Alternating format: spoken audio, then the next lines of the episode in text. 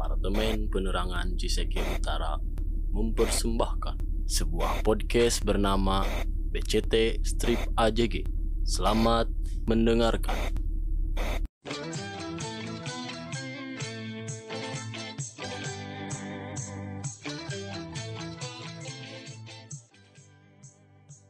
Kembali lagi bersama kami dalam podcast BCT Strip AJG dengan saya Haris. Saya Ajay. Ya, Pak. Saya Farhan. Oke. Farhan anak baru ya. Anak baru Farhan ya. sebagai anak baru bukan? Jadi Farhan ada kecocokan. Kayaknya eh, untuk podcast-podcast selanjutnya akan terus ditemani oleh Mas Farhan sebagai ekonom muda. sebagai ekonom muda. Berat gitu ekonom saya. Bukan mas emang. Oke, teman-teman, podcast kali ini kita kedatangan tamu istimewa. tamu istimewa yang didatangkan. Yang- Oh, nggak didatangkan. Dengar-dengar Diundang. kabarnya eh bentar lagi bakal sidang akhir. ya, bentar lagi bakal sidang akhir. Pembimbingnya sama ya, Pak? hijau- lampu hijaunya udah ada di satu perempatan, tinggal satu perempatan lagi. Oke, mantap. Iya. Mantap. Ya, Teman-teman, selamat datang Mbak Rizka. Bariska. Halo. Halo. Mantap. Sehat?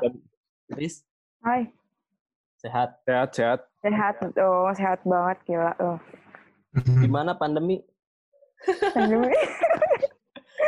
Jadi Gak gimana bisa gimana? nongkrong atau masih tetap nongkrong di sana? Nggak bisa lah. Gila, gue di rumah doang. Dua minggu. Eh, Full, dua full. bulan. Full. Nggak, Nggak- nggak keluar sama Nggak sekali. keluar gitu ke Alfamart. Oh, nggak- Alfamart itu. nggak boleh sebut merek ya. Alfamart belum ngasih sponsor. Maaf Alfamart, Maaf, Alfamart. bukan ini ya. Kan. Enggak, gue nggak keluar. Yang keluar mah adik-adik gue. Full, dua bulan full. Full. Eh, kemarin apa sih yang gue beli paling eh, apa yang paling kerasa berubah selama dua bulan ya keluar rumah? itu. Gue udah nggak. Oh, berhenti, oto- otomatis berhenti ya. Otomatis. Oh iya iya. Padahal di rumah juga bisa. Ternyata Nggak bisa lah, gila. Oh nggak bisa ya? Iya iya. Ternyata oke. pandemi membawa berkah karena banyak yang berhenti Oh, merokok ya. Oke, gini. Jadi eh, gimana kita, bahas apa nih? eh, kita kedat- kali ini? kedatangan tamu sekarang eh, Bariska yang eh, mungkin kalau dilihat di Instagramnya atau di media sosialnya bukan concern Ratu ya.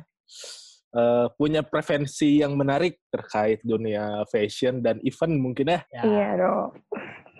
Berkali-kali ngelihat eh, snapgramnya gitu ya, cukup pretensius terkait dunia event dan dunia fashion.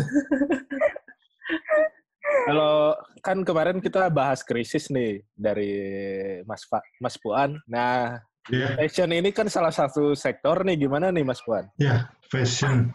Iya. Eh Puan, mungkin Puan jadi grogi sekarang kemarin malah lancar aja. fashion bingung juga. Oh, bukan. Oh, mungkin ya terkait dengan ekonominya ya. Iya, terkait Mungkin nggak bisa dilepasin kali kan kalau bicara fashion, eh, kayaknya udah barang tentu bicara ekonomi juga. Kayaknya ya. Ya nggak sih, Riz? Gitu kan? ya, Iya, Ya. bisa bisa. selain kultur Gimana ya. tuh Mas Puan? Ah, gimana An? Sebenarnya yang orang lihat mah fashion sekarang ya masih dalam praktiknya di Indonesia mungkin masih belum menerapkan apa itu sustainable fashion. Mantap, sustainable Mantap. fashion. Ya tapi sebelumnya itu apa definisi sustainable fashion itu apa sih? Nah, nggak tahu. Kita Nggak tanya langsung Bariska. Tanya aja. Iya, itu mah Bariska, langsung kan. ya. bukan sebagai ahli fashion, tapi mungkin punya Tapi- preferensi lah, Iya. ya, punya ketertarikan di dunia itu. Gimana Bariska? Nah, kalau udah belum? Nah, kalau sustainable fashion itu kan kayak fashion berkelanjutan kan? Nah, Ya. Nah, sekarang kita tahu ada fast fashion sama ada slow fashion. Nah, kalau slow fashion itu ya kayak kita punya baju thrift atau kita jual pre-love kita gitu loh. oh, Ya. Nah, kan baju itu untuk ke kita sendiri itu butuh sebuah perjuangan lah ibaratnya mulai dari kelola bahannya, terus mulai dari buruhnya, mulai dari upah buruhnya itu sendiri gitu. Jadi kayak baju itu nilainya sebenarnya besar juga gitu aja. Itu fast fashion. Itu Mm-mm. kalau slow fashion? Ya itu ya tadi slow fashion kayak kita kayak misalnya nih gue pakai baju thrift, ngerti Ya. nggak sih kayak baju-baju Oh, bekas atau gue ya. ngejual Oh. baju gue juga Oke. gitu. Iya, iya, oke, oke, oke, oke. mungkin beda di pola produksinya mungkin atau enggak produksi Ya, lah kalau em, pak- apa sih jangka waktu biar? Iya sih? Pemakaiannya. Ya, Pemakaiannya juga bisa. Jadi Terus kan belum, kadang sekarang gimana gimana tadi? sekarang juga ada ini loh yang sewa-sewa baju gitu. Jadi meminimalisir Ah. kita beli baju baru. Sewa baju. Saya baru dengar sewa baju emang ada ya? Ada. Coba deh buka style Kalau teori. kalau sewa jas mungkin ada buat Ya. buat Di pengantin buat ada. ke pengantin ada sewa. Tapi kalau baju Mm. ini baju kaos gitu sewa. Enggak, baju-baju buat kita pergi. Ada sewa per bulan, ada sewa per tiga bulan gitu. Cik, Oh. ini ini menarik nih baru ay baru Udah cukup. Baru-baru baru-baru Sewa. dengar. sewa baju Baru. sebulan gitu. Ya, ada. Tapi ini berarti baru-baru, baru-baru Riz. Ada penyewaan terkait ya baju gitu, penyewaan. Ah, iya, baru sih sekitar kalau yang gue tahu sih sekitar setahun yang lalu. Tapi ada kaitannya tadi dengan fast fashion atau slow fashion terkait Ada dong, kan. baju ini. Ada kaitannya. Ada. Mm-mm. Kayak kita mengurangi jumlah pemakaian baju. Maksudnya kayak kita lebih hemat lah intinya gitu. Oh, berarti sus- sustainable fashion tuh berbicara tentang apa ya? Menekan semenekan mungkin produksi baju gitu, produksi fashion Mm, itu. mm-mm. Iya. Karena emang Ya, lumayan ya, ya. juga ya produksi fashion, pencemaran lingkungannya mungkin ya. Iya. Berarti nyambung, nyambung juga berarti ya sustainable fashion sama sustainable environment sama yang gitu-gitu. Iya, Iya. sebenarnya nyambung. Kan kayak limbahnya juga dihasil dari fashion kan juga lumayan. Menarik juga nih sustainable fashion kayak ternyata beli kaos juga terma berarti termas tapi tergantung kita ngebelinya ke mana atau misalnya nih kan Hmm. kita suka support band-band indie nih salah satunya kan beli kaosnya merchnya gitu-gitu kalau kita nerapin pakai sustainable fashion kan kita nggak bisa bantu karena mendukung mendukung iya, sebenarnya gitu. dilema juga ya. Iya. tapi kan gue juga Kalau produksi Masih- kaos band indie kan cuma 10, 100 palingnya. yang mengganggu tuh kan yang produksi masanya iya itu. Iya, iya. tergantung gitu. Kenapa bang kebesekan? Mau ketawa. Maaf, maaf mau ketawa. Tapi dengar-dengar klub rakyat mah katanya mau bikin langsung 2000 piece. Anjir. Kerja kerja sama sama H&M. Bukan lah. Oh, bukan. Eh, sebut merek lagi. Kerja sama sama ini. Apa namanya? C C60. Apa namanya? C60, C75 ya itu kerja sama Oh, sama ya. itu. C59 plus 1. C59. C59 plus Apaan itu gue? Ada brand, brand lokal Bandung legendaris. Oh. Berarti ya, penerapannya sustainable fashion lumayan ini juga ya, lumayan Rumit. Lumayan rumit ya. Mm-mm. Tapi nyambung Iya. aja sih kalau emang eh, apa ya kan ya produksi fashion termasuk yang gede juga limbahnya lah ke lingkungan kalau kita lewat ke mana mang pabrik pabrik kain tuh di mana itu Pab- pabrik tekstilnya di mana sih? Kalau di Bandung Dewa. Cigondewa kan di ini. Ci, sungai Dewa. sungainya teh udah bercampur dengan tinta-tinta kain. Iya, Tapi Pride. Cigondewa, peace. Itu aja yang deket Jai. Di mana? Rancaya Cake. Oh iya Rancai Ya, Cake. Iya Rancai Cake mau pabriknya langsung. pabriknya lah. Ya bener Rancai Cake lah. Itu ya pabriknya Tapi Sahatex, ya, Sahatex, Sahatex ya. Sahatex atau Nahatex. Nahatex. Nahatex. Semacamnya gitu. Semacamnya lah itu. Gimana tadi? Eh secara pribadi gitu ya, Rizka memandang fashion itu kayak gimana sih? Fashion, aduh. Iya, Rizka kan ya tadi dari sering banget kayaknya dari SG-nya eh ngap bikin SG gitu terkait fashion. Terus Hmm. ntar nyambung ke event-event fashion juga sering banget gitu bikin SG Hmm. terkait itu. Rizka memandang fashion gimana sih? Kalau gue madam fashion itu kayak ciri khas gitu loh. Hmm. Oh, Misalnya kayak gue pakai baju ini, oh ini berarti gue. Tapi Iya, tergantung iya, iya. juga sih, tergantung mood. Kalau misalnya mood gue lagi, misalnya lagi pengen ke anak muda, gue pakainya apa. Terus kalau misalnya lagi formal, pakai apa gitu. berarti Ah, eh, fashion tuh mengekspresikan identitas mungkin ya? Ya, ekspresi, ya benar. Iya, iya. Atau tapi sepakat nggak kalau fashion tuh eh, misalnya kan sekarang banyak juga yang di media sosial atau apa kayak misalnya eh, kalau fashion tuh dianggap apa ya kelas mencerminkan Hmm. kelas gitu atau Iya, iya. Atau sebenarnya fashion tuh melampaui itu lebih dari itu gitu menurut Bariska gimana? Kalau menurut gue, Nah, Kalau menurut gue sih lebih dari kelas. lebih dari kelas. Karena karena kan kayak mungkin dari mereknya kali ya, mereknya yang bisa Nah, yang membedakan betul. kelas itu. Eh, cuman kerjaan gimana ya?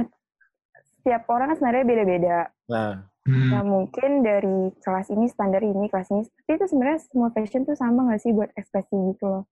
Hmm, iya, ya. iya. berarti kalau brandnya mahal-mahal juga itu ekspresi kelas ya? Iya. iya nggak sih? iya kan? Hype beast segala macam. Oh, iya. Ada ekspresi kelas sebenarnya berarti. Ini langsung nih, lang- lang- langsung coba ngelihat fashion yang dipakai nih untuk nggambarin kelasnya kayak gimana. Gue aja ya tuan. eh, Enggak dong. Iya sih. Berarti apa fenomena seperti harga outfit lu itu gimana, Riz? harga outfit, harga outfit lo. Nah, harga outfit Oh. itu fenomena Iya. fashion tuh itu. Gimana, Riz? Seberapa harga outfit lo? Nah, Ya, Iya. gitu. Itu kayak gimana ya? Mungkin mungkin dia udah sering pakai brand itu. Kadang juga kita kayak gitu gak sih kalau misalnya kita pakai sebuah Iya. sebuah Iya sih. baju atau apa, kalau kita udah nyaman sama satu brand itu, pasti kita juga makanya itu. Kayak ada value sendiri gitu loh. Hmm. Itu tuh berarti men- mencerminkan si pengguna fashion ini sudah mulai teredukasi, ya bahkan sampai ke kalangan yang eh, menengah ke bawah lah, udah Mm-mm. tahu brand-brand itu bahari apa memiliki nilai value yang eh, apa terpandang lah di masyarakat. Jadi mungkin masyarakat sen- apa eh, yang tadi masyarakat itu mulai melek lah dengan fashion-fashion yang, yang sekarang Ini bener banget. Karena udah banyak juga promosi-promosikan dari si produksinya sendiri. Hmm. Kan kalau dulu kan eh saya juga eh, orang juga belum tahu ini brand apa brand-brand fashion itu apa aja. Kalau Hmm. dulu kan asal pakai aja, asal pakai. Tapi Ya. sekarang eh, lihat-lihat ke lemari, wah ada yang ternyata ada Harganya jutaan gitu ya. yang arah itu. Ah, ya benar. ternyata ada yang wow. Ya. Punya babe juga, oh ternyata bernilai. gitu. Ada sepatu apaan? Oh itu sepatu ini, sepatu Sepatu legend. Satu legend. sepatu diburu, sedang diburu. Arah mata angin. Penunjuk, penunjuk jalan itu. Sama Iya, iya. abang ya. Sepatu penunjuk jalan. Oh iya benar. Nah, kemarin kan eh, kalau nggak salah baru-baru ya sebelum pandemi kemarin eh Mbak Rizka ini apa ya jadi volunteer salah satu acara fashion yang gede lah di. Indonesia ya. Itu pengalamannya gimana tuh ikutan kayak gitu? Wah gila seru banget. Iya. Kan gue coba daftar ya. Nah, Ya. Nih gue coba daftar terus kayak gue mikir gue keterima nggak ya soalnya itu pasti banyak banget saingannya. nah, Terus akhirnya gue dipanggil buat ikut wawancara. Dan itu gue seneng banget gitu loh kayak semangat ya kamu lolos berkas dan kamu ikut wawancara di gini. gini." Nah terus ternyata pas gue tanya, pas di wawancara itu ditanya pengalaman gue buat jadi volunteer di bidang fashion itu apa. Sementara gue belum pernah sama sekali. oh iya. Berarti iya. itu yang pertama Hmm. kali. pertama kali kalau yang Oh, fashion ya bidang fashion terus kayak anjir hopeless lah gue nah ternyata pas gue tanya tuh yang daftar sekitar ada berapa ribu orang gitu Hmm. dan gue keterima alhamdulillah banget waktu itu nah Hmm. gue jadi apa tuh oh gue jadi kayak semacam acara gitu seksi acara Nah, oh iya. jadi kayak gue ngatur jalannya model sampai ke backstage gitu gitulah Nah, sebelum ke lebih jauh, kenapa pengen ikutan acara apa event fashion gitu? Kan sebelumnya Cuman melanglang ketertarikan gitu ya. Ah, Apakah cuma ketertarikan secara Atau- pribadi gitu atau suka ada atau ada yang ada ingin- hal lain. ada hal lain gitu di dalam situ gitu. Hmm, kan yang tadi itu kan karena gue belum pernah coba di bidang fashion, maksudnya volunteer bidang fashion, gue tertarik nih kayak ada sesuatu yang menantang, gue pengen coba hal baru gitu kan. Kira gue terjun jadi situ. Itu berarti konsep eventnya sama kayak misalnya kalau event pameran mobil berarti mobil-mobil nih otomotif semua teknologi tercanggih dan segala macam Iya. gitu. Eh, Kalau fashion berarti busana gitu. Iya, dia mau memamerkan si desainer ini, memamerkan Desainer, ya.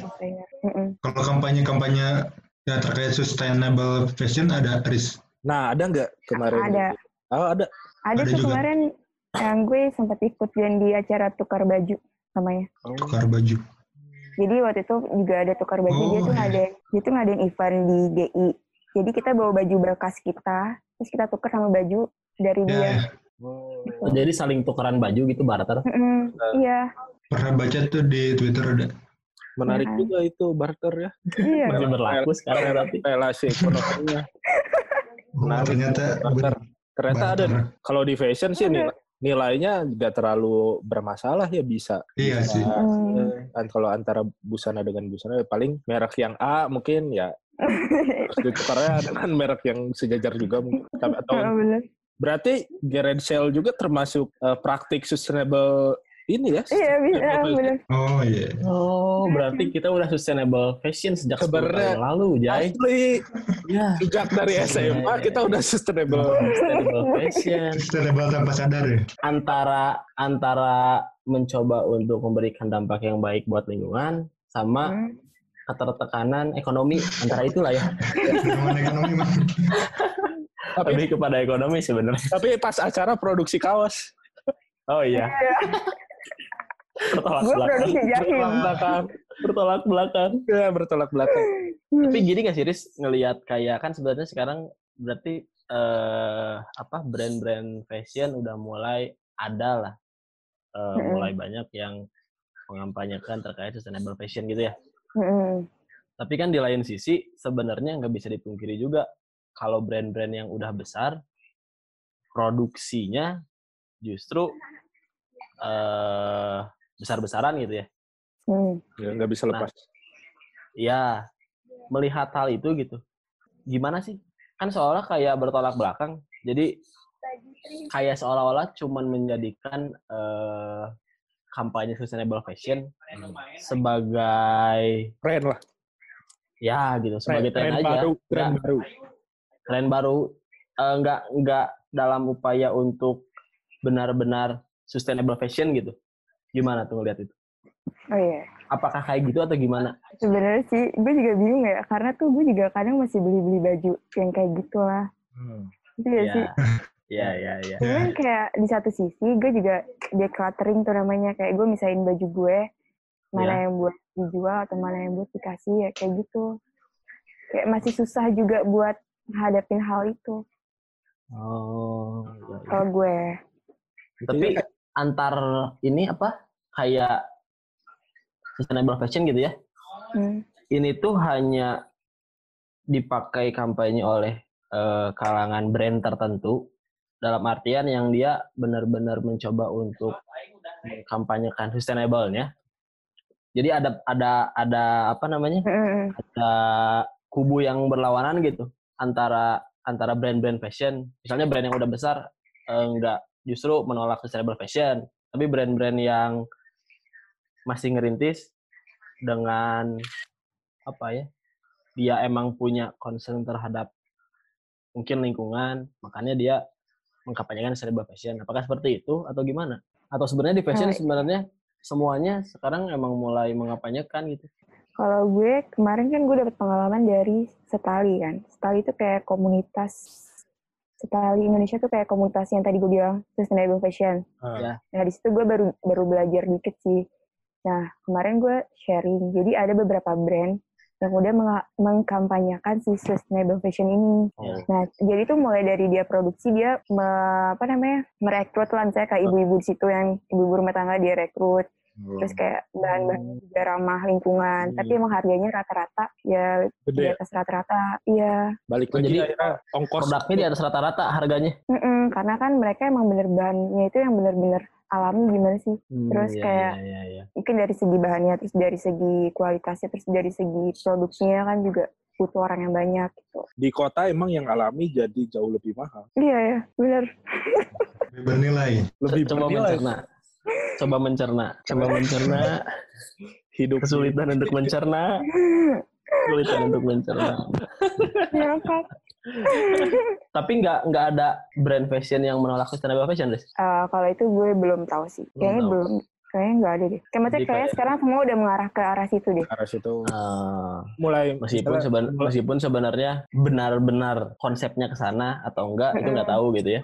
Ya bisa jadi cuman apa tadi sebenarnya Gimmick trend. lihat ngelihat Ah, ah, gimmick ah, iya, gitu ya gitu. ngelihat tren doang untuk eh nge-up dari sisi penjualan bisa Hmm. jadi gitu kan sebenarnya Karena ada segmentasi pasar tertentu kan sekarang yang nah sustainable fashion ya, untuk iya, memasok benar. pasar itu Hmm, Iya benar-benar. bikin produk ramah lingkungan. Nah, Tapi kelihatannya udah mulai sih yang dari bahan-bahan yang ramah lingkungan gitu-gitu ya. Iya. Dari serat Iya, iya. bambu dan segala macam. Botol plastik.